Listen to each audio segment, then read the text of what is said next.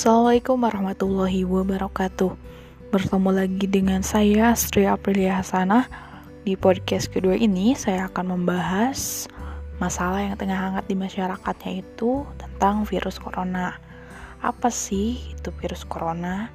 Severe Acute Respiratory Syndrome Coronavirus 2 Atau yang lebih dikenal dengan nama virus corona Adalah jenis baru dari coronavirus yang menular kepada manusia. Walaupun lebih banyak menyerang lansia, virus ini sebenarnya bisa menyerang siapa saja, mulai dari bayi, anak-anak hingga orang dewasa, termasuk ibu hamil dan ibu menyusui. Coronavirus adalah kumpulan dari virus yang bisa menginfeksi sistem pernapasan. Pada banyak kasus, virus ini hanya menyebabkan infeksi pernapasan ringan seperti flu. Namun, virus ini juga bisa menyebabkan infeksi pernapasan berat seperti infeksi paru-paru. Selain virus SARS-CoV-2 atau virus corona, virus yang juga termasuk dalam kelompok ini adalah virus penyebab Severe Acute Respiratory Syndrome atau SARS dan virus penyebab Middle East Respiratory Syndrome atau MERS.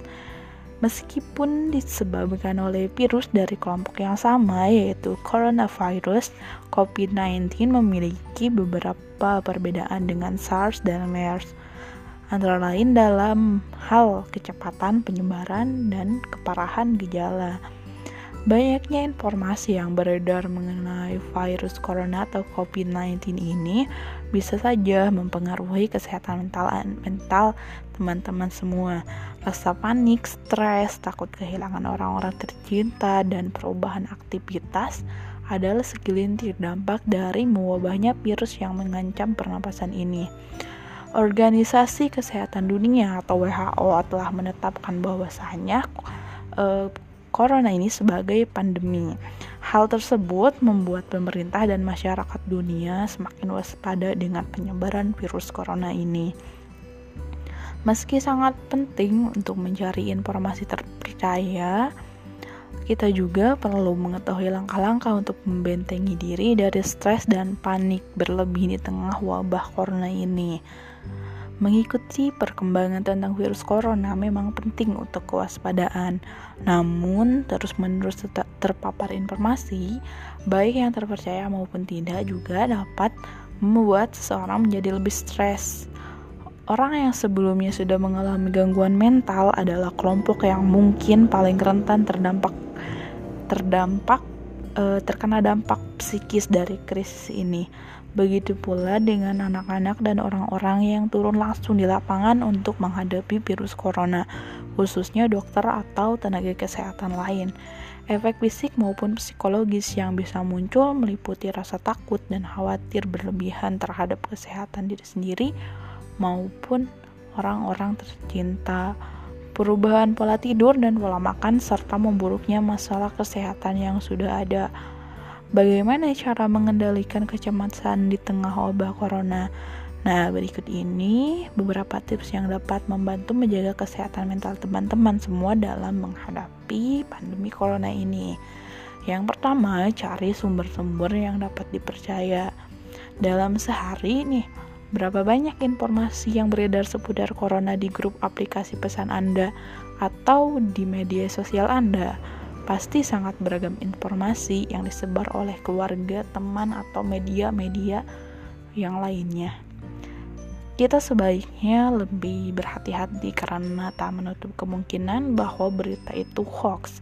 Alih-alih merasa tenang, kita justru bisa lebih panik dan cemas. Nah, pastikan teman-teman selalu memantau perkembangan virus corona dari sumber-sumber yang benar-benar terpercaya ya. Contohnya dari situs WHO, Kementerian Kesehatan Republik Indonesia dan Health Map. Nah, yang kedua, jaga kesehatan dengan baik. Di tengah pandemi COVID-19 ini, salah satu hal yang dapat kita lakukan agar lebih tenang adalah menjaga kesehatan. Saat kita merasa tidak menjaga kesehatan diri, dengan cukup baik, kita mungkin akan lebih takut untuk tertular. Terapkan pola hidup sehat dengan kiat-kiat sebagai berikut. Yang pertama yaitu mengonsumsi makanan sehat dan seimbang. Yang kedua, minum air putih yang cukup, minimal 2 liter untuk orang dewasa. Yang ketiga, tetap aktif dengan rutin berolahraga. Yang keempat, cukup tidur setidaknya 7-9 jam untuk orang dewasa. Dan yang kelima, hentikan kebiasaan merokok dan minum alkohol.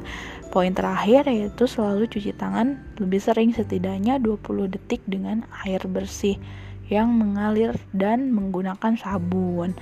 Nah, lakukan hal ini sebelum maupun sudah makan atau menyiapkan makanan serta sesudah bepergian, bersin, batuk atau pergi ke toilet. Selain itu, berdoa dan meditasi juga mungkin bisa membantu dalam menentangkan serangan panik yang berkecamuk dalam diri teman-teman semua. Nah, untuk yang ketiga, tetap terhubung dengan orang-orang tercinta.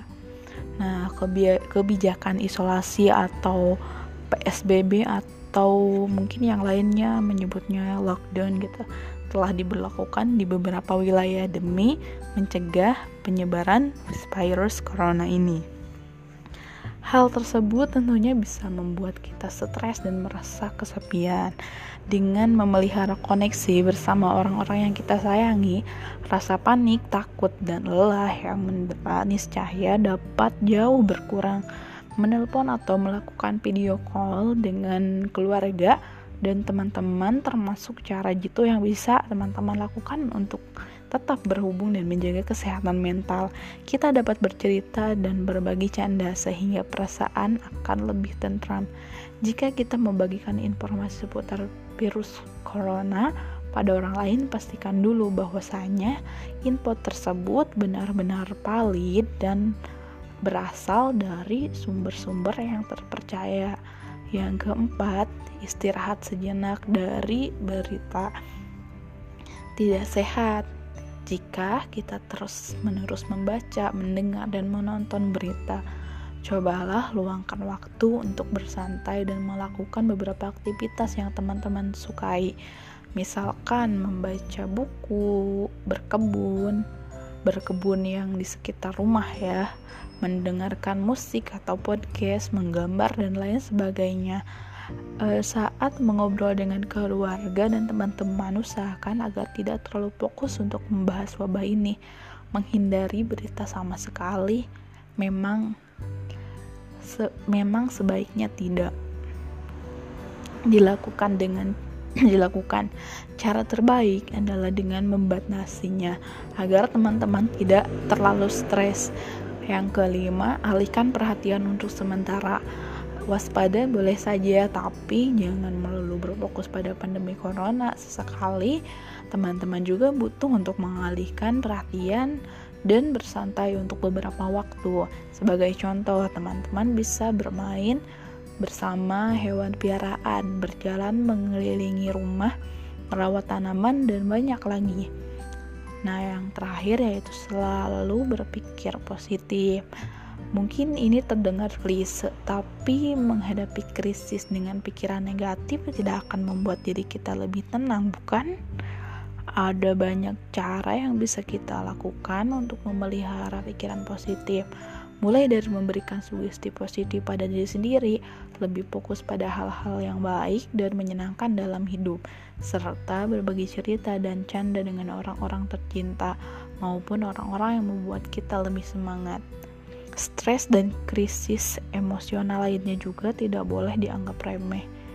Jika kita atau orang-orang terdekat mengalami gangguan kesehatan mental terkait pandemi corona yang sedang berlangsung, teman-teman disarankan untuk menghubungi pihak yang dapat membantu seperti konselor dan psikolog menghadapi wabah corona tanpa terpancing kepanikan maupun virus anxiety ya niscaya dapat membantu kita um, dapat menjaga kesehatan mental dan fisik di tengah krisis kesehatan global ini.